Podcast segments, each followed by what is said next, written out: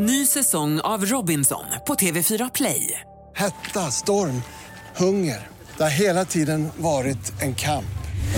Nu är det blod och tårar. Fan händer just nu. Det. är Detta är inte okej. Robinson 2024, nu fucking kör vi! Streama söndag på TV4 Play.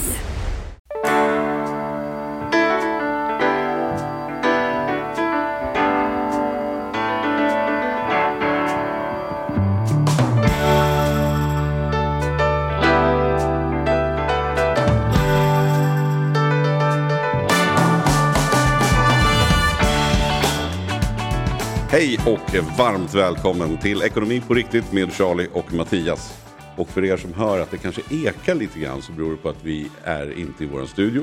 Utan vi är i stora, fina, vackra lokaler. Vi har fått äran och eh, fått träffa då dagens gäst som är ju, eh, ja, Andreas Norlén, talmannen. Du får en sån liten En småapplåd. som Ja men tack, Ja. ja. tack så hjärtligt. Vad, vad maffigt det är att komma till riksdagshuset. Det är en fantastisk miljö att få arbeta i. Jag gläds åt det varje dag. Och vi är ju nu i mitt mottagningsrum med eh, en del konst på väggarna och den här klockan, golvuret här, har faktiskt en ekonomisk koppling. Jaha. Eh, för det är då det är från 1700-talet, en, vacker, vackert golvur med en, ett väldigt vackert målat fodral. Eh, urverket är gjort i London på 1760-talet tror man. Eh, och eh, skalet, eller kroppen så att säga, är gjord i i Sverige. Eh, Den här lämnades som pant eh, till Riksbanken för ett lån till en medlem av kungahuset, sägs det, på 1700-talet. Wow. Och det här lånet blev aldrig betalat. eh, Så att, och Riksbanken är ju riksdagens bank. Så att på något sätt så hamnade klockan sen i riksdagen och har då varit här sedan ståndsriksdagens tid och väldigt, väldigt länge hos talmannen. Så jag har det här dels för att jag tycker att det är vackert, men också som en ständig påminnelse om hur det går om man inte betalar sina skulder. Ja. Vad häftigt. Men om du, eh, när du en dag lämnar som talman, det är inte så att du kommer göra anspråk och säga till riksdagen, vad, vad, får jag lägga ett bud? Eh, Jag tror att den är, nej, jag, jag tror inte ens jag skulle försöka det faktiskt. Okej. Nej, jag tror. Men du, om vi, om vi tar det från början. Nu, nu får vi en stund tillsammans med dig. Jättekul. Hur mycket får man prata med Andreas när Andreas är talman? Hur mycket är det liksom... Jag ska vända och säga så här, jag ser ibland partiledare framförallt som man, när de är partiledare, och man lyssnar på dem på tv, tänker man så här, är han riktigt frisk i huvudet? Det låter in, inget vettigt alls. Men sen slutar de och så, så träffar man dem i någon, när de sitter i något tv-program så säger man det här var en ganska normal människa. Varför, varför framgick inte det? Är det så att ämbetet, förstår du min fråga? Alltså, Hur mycket kan du vara dig själv och tycka saker? Och liksom? Alltså ämbetet kräver ju i vissa situationer att man agerar på ett visst sätt. Vi har ju en del eh, Eh, formella situationer, vi har regeringsbildningen där man ju också måste agera på vissa sätt. Men jag försöker alltid att inte förställa mig utan att vara mig själv. Eh, sen kan man ju inte vara hej och kompis i varje situation såklart. För ibland är det situationer som kräver att man agerar på ett visst sätt. Men, eh, och vad gäller åsikter så eh, ska ju talmannen vara partipolitiskt neutral. Så att jag eh, uttrycker mig aldrig mina åsikter om politiska sakfrågor eller gillar inlägg om politik på Instagram eller något sånt. Utan eh, där, det håller jag för mig Du själv. blir lite public service kan man säga när, när man går in i talmansrollen. Det vill säga att man ska Så du vara handlar det helt på plus, att du får inte tycka något Nej, man får inte Instagram tycka något egentligen. Ja. Nej, så och det är väl sunt, tänker jag. Eh, Det ligger ju i rollen och det finns ju, eh, det är ju många roller där man inte ska eh, debattera sina egna politiska åsikter. Så är det när man är tjänsteman eller när man är lärare i skolan ska man ju inte försöka pracka på eleverna sina egna åsikter heller. Så att det är ju inte unikt för talmansrollen men det är viktigt i talmansrollen.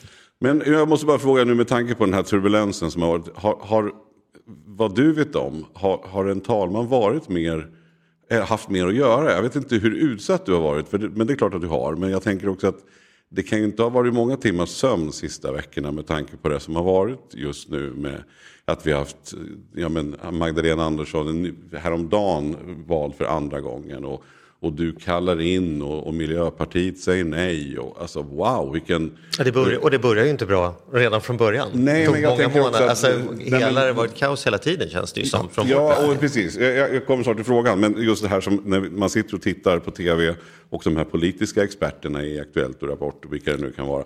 Inte ens de kanske vet så här, men ja, ja hur blir det nu liksom? det, det måste ju ha varit supertufft för dig. Det har varit väldigt intensiva år. Sen skulle jag kanske inte säga eh, använda ordet kaos eh, som en generell beskrivning av mandatperioden. För att eh, man kan ju, det, som i somras, vi hade en regeringskris, absolut. Men eh, kaos antyder ju någonting mer och jag tänker att det är fortsatt, och det har jag sagt flera gånger, det är ingen kris för svensk demokrati utan vi har regler för hur sådana här situationer ska hanteras. Men det är klart att de senaste veckorna har varit väldigt speciella. Eh, så för att svara på din inledande fråga där, har det här hänt förut? Har någon annan talman haft en sån här situation? Nej, Nej, det får man nog säga att så har det nog inte varit. Eh, talmannen har ju haft den här uppgiften att leda regeringsbildningen sedan mitten på 70-talet. Innan dess var det kungen som utsåg statsminister. Och går man tillbaka till 20-talet så kan man hitta ett par mandatperioder när vi hade tre regeringsbildningar samma valperiod. Eh, för då var det också eh, ganska stökigt. Men eh, nu har vi ju faktiskt haft fyra regeringsbildningar då den här valperioden och det, det är rekord. Under, sen demokratin infördes. Ja, men, men hur är det för dig då? För jag tänker liksom, Ja, men man kan jämföra med Tegnell. Liksom. Kan du tänka dig att bli statsepidemiolog? Ja, det går bra. Ni kan väl ringa mig under... Och så bam, måste han ha gjort, haft att göra dygnet runt i flera år. Och, han, och likadant känns det lite för dig. Är det någonting som man uppskattar och tänker så här, gud vad kul att jag fick mycket nya spännande grejer. Eller är det så här, ah, mycket jag inte hinner med riktigt här för att det är sånt här hela tiden. Liksom, gillar du när det, när det blir annorlunda? Nej, men eh, jag visste ju när jag fick frågan att det förmodligen skulle bli en besvärlig regeringsbildning efter valet 2018. Så det var ju ingen överraskning och jag har aldrig ångrat att jag åtog mig det här uppdraget. För jag, det har ju varit, jag har ju hållit på med politik sedan ja, 80-talet i över 30 år och det är klart att det är fantastiskt att få vara en del i ett väldigt viktigt skeende i svensk politik eh, och att få eh, vara med och påverka utvecklingen även om det framförallt är partierna och partiledarna som bestämmer eh, vägval och så i, om framförallt regeringsfrågan. Då. Men det måste ju också efter, för precis i det här rummet vi sitter, det är här du har haft dina talmansrundor, de, de mm. berömda, de kommer in en efter en och du bollar och funderar och sådär. Det måste ja. ju vara oerhört häftigt och spännande att höra hur de resonerar och hur spelet går. Liksom. Förstår du hur jag tänker? Absolut, jo men, eh, jag, eh, eh, jo men det har ju varit, för att uttrycka det lite torrare då, det har varit väldigt intressant. Mm. ja men det måste det ha varit alltså. Eh, så att, eh, nej men absolut, och det är ju Eh, samtidigt som det också har känts väldigt ansvarsfullt och viktigt att mm. eh, försöka göra det här så bra som möjligt. Och det har jag verkligen ansträngt mig för att göra från första stund. Men det, men det måste också vara rätt frustrerande när du vet att nu kommer hen eller han eller hon in och så vet du att jag kan med tusan på att han ska krångla med den här punkten fortfarande. Alltså, ja, fast, fast jag blir inte frustrerad så lätt, utan jag tänker att det där med att partierna har olika åsikter och att det tar sin tid ibland innan, innan man kan få en lösning, det, det ingår i, i det man kan förvänta sig. Alltså, det är klart att det är svåra beslut för partierna och partiledarna hur man ska välja väg i olika sammanhang. För man upplever ju dig aldrig frustrerad. Du, du, antingen är du en fantastisk skådespelare eller är du ju som en filbunke. Det känns ju inte som att du brusar upp överhuvudtaget. Nej, men jag, jag, är nog en ganska lugn person och eh, det tror jag att man har nytta av i olika sammanhang i livet. Jag har även en femårig son hemma, då har det också fördelar att inte hetsa upp sig i onödan. Ja, men med femårig son, eh, det har jag ju också haft. Det har ju sina fördelar, men ibland har det också fördelar att man sätter ner foten och säger nej, nu får det vara färdigtjafsat. Nu går du och lägger dig, punkt slut. Liksom. Mm. Och jag såg ju ett ögonblick eh, för bara några dagar sedan när det ändå var så här, men hade ni vetat, liksom, hade ni vetat att ni inte skulle tacka ja på eftermiddagen, varför satte vi dit henne på förmiddagen? Mm. Det hade ni kunnat säga till mig, sa ju du mer eller mindre rakt ut att mm. hallå, Mm. Så att jag menar, eh, någonstans finns det också ett där måttet är rågat om man får säga nu får det vara färdigtjafsat här, eller? Ja. Nej men det är klart att eh, i just den situationen så eh, tyckte jag ju att den process som jag hade ansvar för kunde ha eh, utvecklat sig på ett bättre sätt. Och då tyckte jag att det var mitt ansvar också att påpeka det eftersom det ju blev en väldig turbulens då förra onsdagen och eh, jag tyckte att det var viktigt att jag gav min, mitt perspektiv på det. Hur är det med, tänker du, med, med makten? För någonstans, du är ju politiker i grunden och, och moderatpolitiker. Och, men sen plötsligt då när man blir talman så får du sätta på en oberoende hatt mm. helt och hållet. Var det det man ville liksom? För jag, menar, jag förstår ju att det är en ära att få vara Sveriges rikes talman. Och uppenbarligen har ju du valt det för att sitta i riksdagen som Mm. politiker. Men kan det vara frustrerande att inte, att inte på så sätt vara med och påverka? Eller kan du påverka landet genom att du är en bra talman? Mm, ja, men, eh, det är riktigt, jag har ju hållit på med, med politik i över 30 år som sagt. Och eh, jag har aldrig strävat efter att bli just riksdagens talman. Men när jag fick frågan eh, då, eh, efter valet 2018 så tvekade jag inte mer än en sekund. För att jag tyckte att eh, det var fantastiskt att få leda Sveriges viktigaste demokratiska institution. Och jag påverkar inte sakpolitiken, vilka beslut som riksdagen fattar om lagar eller budget eller så.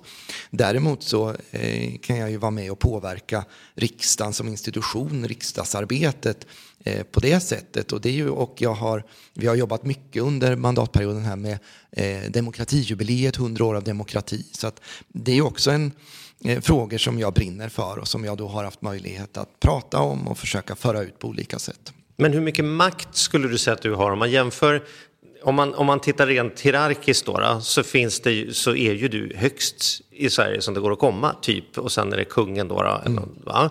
Och skulle kungahuset dö ut av någon anledning, då är det ditt jobb att se till att, typ, att vi får ett nytt. Så, Jo, men, ja, fast- och så, bara så att, Om man jämför den makten med, säg, en eh, skolelev som börjar skolka för, för klimatet och sitter några hundra meter härifrån, Mm. har ju ingen formell makt överhuvudtaget. Du, du anses ju stå högst i makt. Hur skulle du jämföra era två Nej, makter men, med varandra? Nej, jag skulle säga att det som du beskriver är ju kanske inte makt utan rang. För det finns ju då en formell rangordning där man säger statschefen, talmannen, statsministern. Eh, och eh, det finns ju en logik i att talmannen har högre formell rang än statsministern därför att vi har en parlamentarisk demokrati där riksdagen, eller förlåt, regeringen är beroende av riksdagen för att utöva eh, sin styrande funktion. Och då är det ju rimligt att riksdagens talman då har högre formell rang. Däremot eh, om man pratar makt så är det såklart att det är statsministern som är landets ledande politiker eh, och som har då att leda regeringen som styr riket och är ansvarig inför riksdagen. Så att eh, jag har såklart makt över organiseringen av riksdagen och riksdagens utveckling och projekt som vi driver som handlar om riksdagen som institution.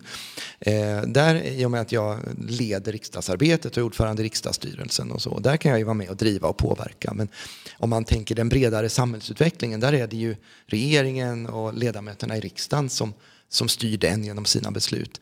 Sen är det ju alltid svårt att jämföra med personer som driver politiska frågor utanför politiken eller utanför riksdag och regering. Eh, Vad har de för inflytande i relation till, till de som har formell makt? Ja, det är ju statsvetarnas sak att reda ut, tänker jag.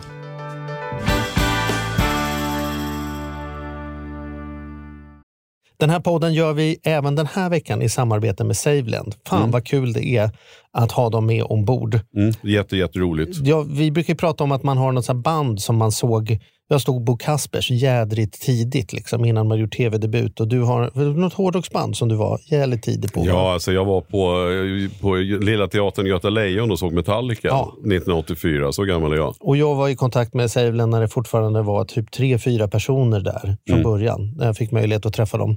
Eh, och nu är de ett stort bolag, fyller tio år, finns på börsen och jobbar helt enkelt med att vanliga privatpersoner och företag kan investera pengar eh, i eh, lån och krediter.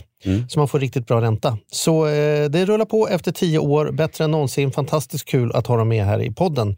Gå in, testa, kolla. Vi har en kod som gör att om du öppnar ett konto och använder på riktigt får du dessutom en insättningsbonus just nu. Precis, och vill man veta mer så som sagt gå in på saveland.se. Man kan också lyssna på Ludvig som har varit gäst i vår podd två gånger. Då får Ja. man en ännu bättre inblick Ja. i vad, vad det är de pysslar med egentligen. Men eh, ja, saveland.se och stort tack. Ny säsong av Robinson på TV4 Play. Hetta, storm, hunger. Det har hela tiden varit en kamp. Nu är det blod och tårar. Fan händer just nu. Det. är Detta är inte okej. Robinson 2024, nu fucking kör vi! Streama söndag på TV4 Play. Ett poddtips från Podplay. I podden Något Kaiko garanterar östgötarna Brutti och jag, Davva, dig en stor dos skratt. Där följer jag pladask för köttätandet igen. Man är lite som en jävla vampyr. Man har fått lite blodsmak och då måste man ha mer. Udda spaningar, fängslande anekdoter och en och annan arg rant. Jag måste ha mitt kaffe på morgonen för annars är jag ingen trevlig människa. Då är du ingen trevlig människa, punkt. Något Kaiko, hör du på Podplay. Därför är gardinerna. Men om vi ska titta på den svenska demokratin då, vi var ju inne på det. Hur, om, om du skulle tvingas avdöma frågan, hur stor påverkan har det som händer i det här huset och de, hur, hur jag går och röstar, hur stor påverkan har det i realiteten på vardagen för mig som bor som svensk här i Stockholm. Vi pratar om att no man is an island och är, när svenska börser faller så beror allt som oftast på att det händer saker i EU eller i världen och, och skramlar någon med krig där så behöver vi åka runt. Så, så om du skulle sätta en siffra, hur många procent har ni hand om här och hur mycket är er som att blåser det så blåser det, det kan vi inte göra så mycket åt. Liksom. Ja, jag vet inte om jag vill sätta någon siffra så. Om du, eh, du, du, du, hade ju, du hade ju flera frågor där. Spelar det någon roll hur jag röstar? Absolut, är mitt svar. Eh, eh det, dels så ser vi ju ibland att riksdagsmandat kan hänga på enstaka röster i vissa valkretsar. Ja, det är nyligen upp. Om inte visste det förr så vet vi det nu. Och, och det kan ju i sin tur då påverka hur det går i, i regeringsfrågan och så. Så det har absolut betydelse att man går och röstar och vad man väljer. Eh, sen mm, är det ju riktigt, Sverige är en del av ett stort internationellt sammanhang men det är klart att det, det som ledamöterna röstar om här, om bidrag, om eh, anslag till olika verksamheter, allt Eh, om pensioner, skatter, allt det påverkar ju såklart privatekonomin om man återgår till det er podd handlar om. Eh, och sen är det klart att den allmänna ekonomiska utvecklingen i världen också påverkar Sverige väldigt mycket. Men å andra sidan igen så spelar det förstås också stor roll vilken politik vi för här. Det kan man ju se att eh, olika länder har återhämtat sig olika snabbt efter coronapandemin och efter andra kriser. Eh, man ser att Eh, jag menar för, bara för att ta ett internationellt exempel, för, eh, för eh, ett antal år sedan så, så var, eh, om man jämför Egypten och Sydkorea, eh, så var de på samma nivå om man går ett antal årtionden tillbaka i ekonomisk utveckling. Sen genomförde Sydkorea ett antal olika reformer, inte minst demokratiska reformer och har haft en, sen dess en mycket snabbare ekonomisk tillväxt. Så att, eh, det är klart att det, det spelar roll vilken politik man för i ett land. Men skulle du säga att, att, att eh, en, en starkare demokrati är en grogrund för en starkare ekonomi? Finns, kan man dra någon likhetstecken mellan det? Det är lite som att, är du part i målet som representant för demokrati förstås. Jo, men, men jag brukar säga att demokratin är överlägsen både principiellt därför att det är rätt i sig att människor får uttrycka sina åsikter, demonstrera, att vi skyddar mänskliga fri och rättigheter och allt som hör samman med demokratin. Men jag tycker också att erfarenheten över tid har lärt oss att demokratiska samhällen är bättre på att skapa lycka och välstånd. Eh, alltså bättre ekonomi. Eh, därför att eh, i fria samhällen så finns det mycket mer utrymme för kreativitet, nytänkande, nyskapande. Eh, det finns mycket mindre utrymme för korruption, misshushållning därför att makthavare granskas, missförhållanden uppdagas. Eh, och eh, det gör att jag, eh, även om man såklart kan se auktoritära länder som från tid till annan lyckas hyggligt ekonomiskt så tror jag över tid eh, så visar erfarenheten att demokratierna faktiskt är överlägsna. Men tittar man på miljöfrågan, där är vi ganska många som upplever någon frustration att det ska kallas till möte efter möte och konferens och konferens och sen ska man rösta. Där, där är det ju många som i sin rena frustration är lite sugen på, skulle vi inte bara kunna ha en världsledare? Kan man blicka in mot ett, ett land man upplever mindre demokratiskt och säga här kan de bestämma, bam, Mm. nu lägger vi ner kärnkraft, nu gör vi så här, nu från och med nu får man bara ett barn. Tänker man så här, det vore väl lite praktiskt om vi kunde i de här krisfrågorna eh, tid från annan även i demokratiska länder. Eh, jag Förstår, Har tror- du respekt för den frustrationen ändå? Eller? Eh, Jag kan förstå frustrationen. Eh, Däremot så tycker jag att slutsatsen är helt fel. Eh, För jag tror, eller jag är övertygad om att eh, demokratiska samhällen är bättre på att hantera också svåra samhällsproblem. Eh, Jag tror inte att en person eller en liten maktelit eh, vet allt och kan allt och kan förutse allt och förstå allt. Eh, och eh, jag tror därför att det är bättre att tackla samhällsproblem oavsett hur svåra de är i en öppen och fri debatt där olika åsikter och lösningsförslag kan brytas och man så småningom kommer fram till en lösning. Sen är det väl också så att den här, eh, den här idén som lanseras då ibland i mm, debatten är ju att den bygger ju på att den som får makten eh, utövar den med ett gott uppsåt. Och det tycker jag vi har sett massor med exempel på i världens historia. Att den som får absolut makt inte alls använder den för goda syften. Eh, så att jag vill nog påstå att demokratin på alla sätt faktiskt är bättre på att hantera också svåra problem. Och man kan ju se över genom årtionden och århundraden att demokratierna faktiskt har lyckats lösa väldigt allvarliga samhällsproblem och få sina länder att utvecklas. Det måste ju vara, jag har två frågor på det här. För att det ena tänker jag nu, om vi leker att det inte har varit pandemi. För någonstans är ju inte det det vanliga. Vi får i alla fall hoppas att det inte är så. Men så undrar jag först, du, du måste väl också vara rätt häftigt, för jag vet att du jobbar en hel del internationellt, att komma ut och få ja, men representera och prata om Sveriges, visst det har varit lite sandlåda nu, men ändå den välfungerande demokratin och, och det fina med vårt samhälle. Eh, det var den ena frågan jag hade och den andra var, hur mycket kontakt har du med näringslivet? Eller är det politikernas jobb att, att ha det? För jag tänker, där är du ändå en representant för hela kåren. Liksom. Mm. Jo, men, nej, men det är Sverige, eh, Sveriges riksdag är ett väldigt internationellt aktivt parlament och eh, i min roll så ligger det absolut att ha mycket kontakter med andra länder. Jag träffade igår Uruguays ambassadör, Armeniens utrikesminister och eh, vad var det? Jo, eh, oppositionsledaren från Belarus. Eh, och, Wow, eh, så att eh, det, och jag eh, har rest också en del nu när pandemin klingade, eller var, var lite lugnare i alla fall ett tag.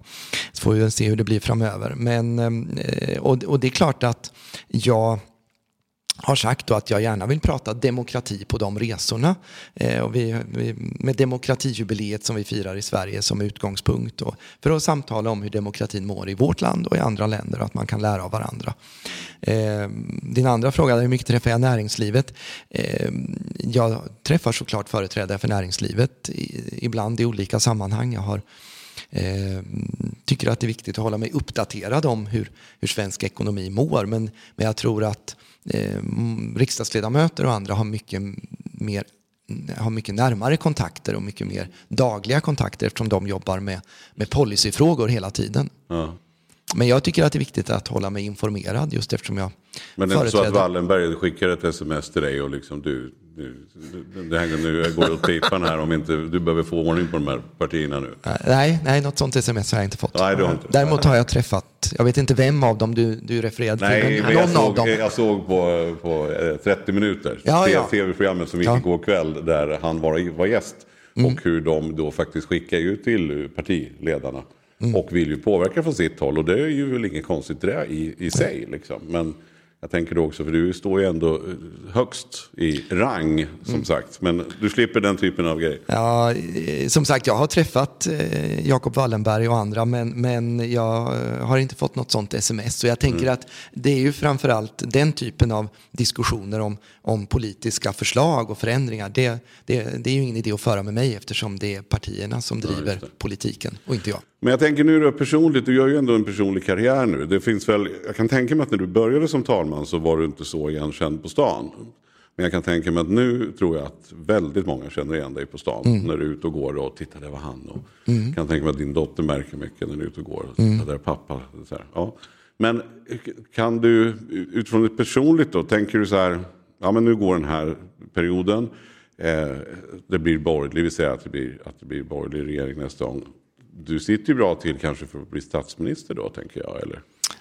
vad är det- nästa steg i så här? Vad är, vad är din karriärsteg? För du, kung blir du ju inte. Så i rang kan du ju knappast inte komma högre. Men, Nej. men vad är din personliga, liksom, skulle det vara kul att vara statsminister? Ja, Jag, eh, jag tror att eh, om jag skulle försöka lansera mig själv som statsminister i någon av de här talmansrundorna så tror jag att partiledarna skulle ha vissa synpunkter på det. Ja, det. Eh, och att det finns andra som känner att de kanske står närmare till för ett sådant uppdrag. Eh, så att eh, jag, har, jag är väldigt fokuserad här och nu på att vara riksdagens talman och eh, jag tycker det är ett jätteroligt uppdrag. Väldigt intressant, ansvarsfullt, stimulerande på massor med olika sätt. Så att jag kan mycket väl tänka mig om jag skulle få, få frågan om det, att fortsätta.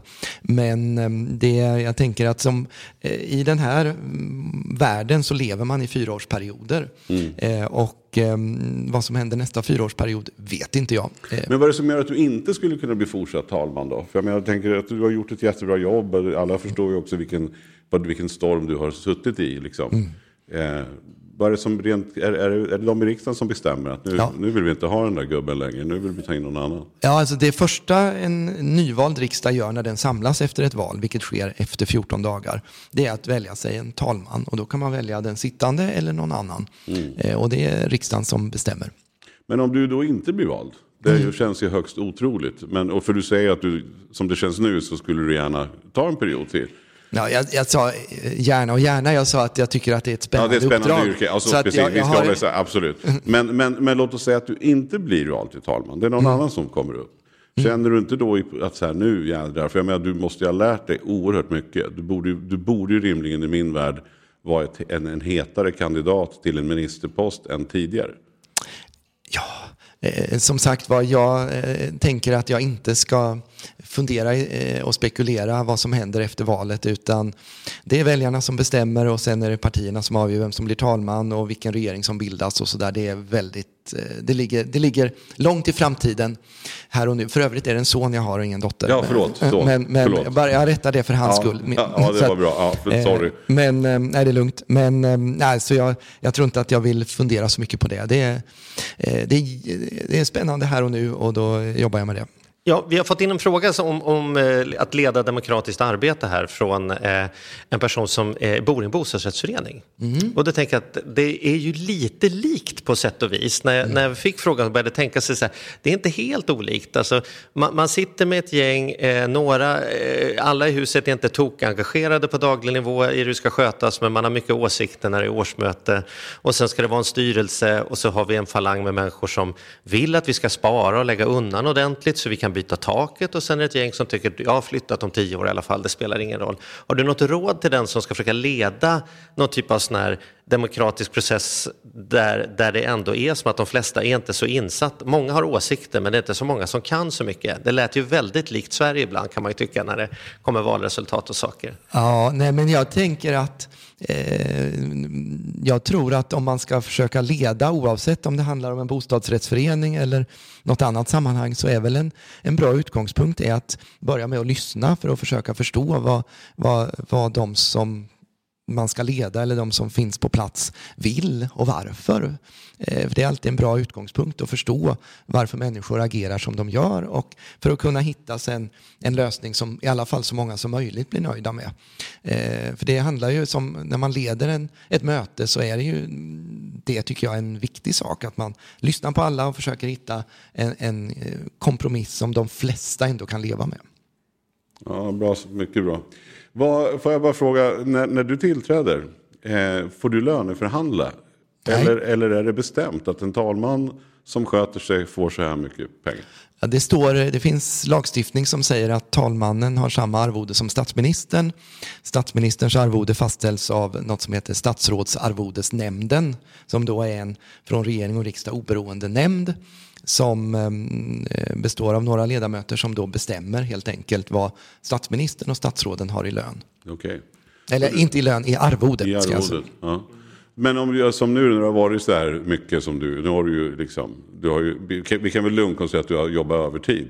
Får du övertidsersättning då? Eh, nej, nej, det är ett fast månadsarvode. Alltså det går, det ingen roll. Oavsett hur mycket eller lite det är att göra. Ja, Ja. så är det. Mm. Så är det. Eh, Och det finns ju en, en symbolisk, eh, ett symboliskt skäl till att statsministern och talmannen har samma arvode, nämligen att markera att det här är de två, det är två centrala uppdrag i regering och riksdag. Har en sista fråga, om inte du har någon mer. Men jag, har en, Kör, jag tänker också på det här ansvaret då som du har. Kan du som talman, för det kan ju alltid hända saker. Kan du åka ner till Norrköping, sätta dig, tända grillen, ta en öl. Alltså kan du få vara helt ledig? Eller måste du alltid på något sätt finnas? Stänga av telefonen när man Kan ska du gå på stänga av och ta en bira och, och, och, och liksom släppa ett dygn eller två? Eller? Alltså, eh, det är klart att jag kan eh, koppla av med familjen och att vi kan ha semester på sommaren och så.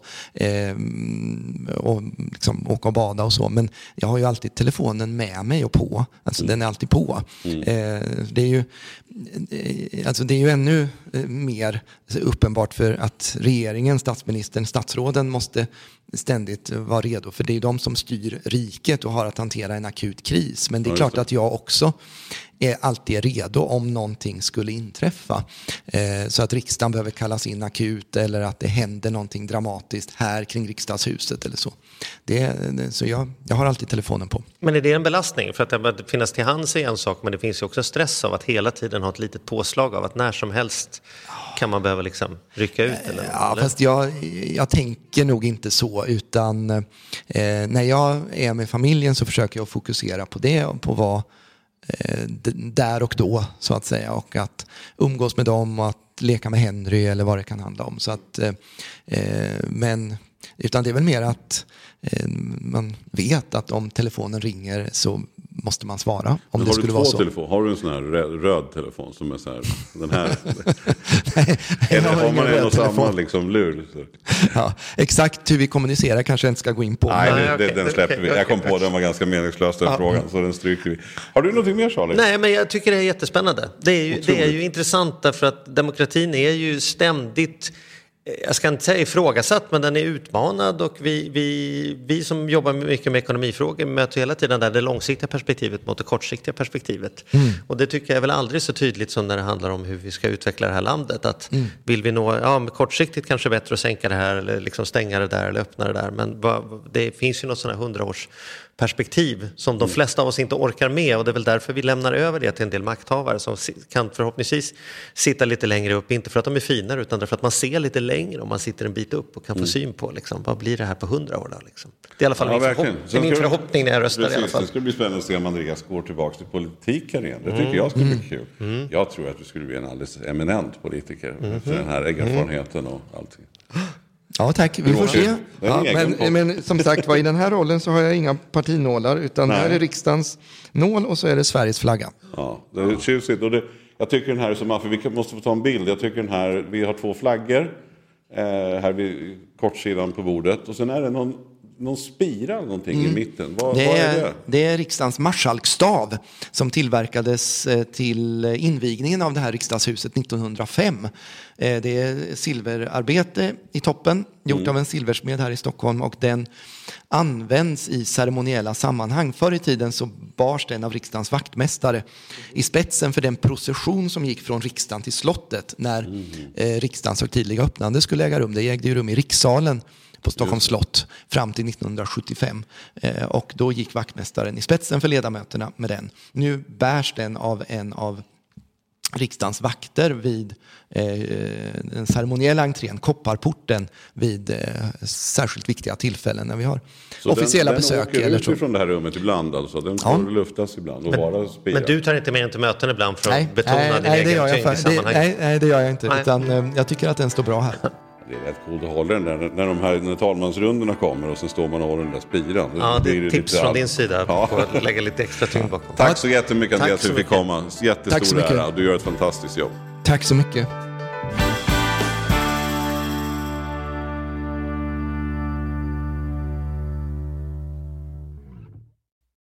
Ny säsong av Robinson på TV4 Play.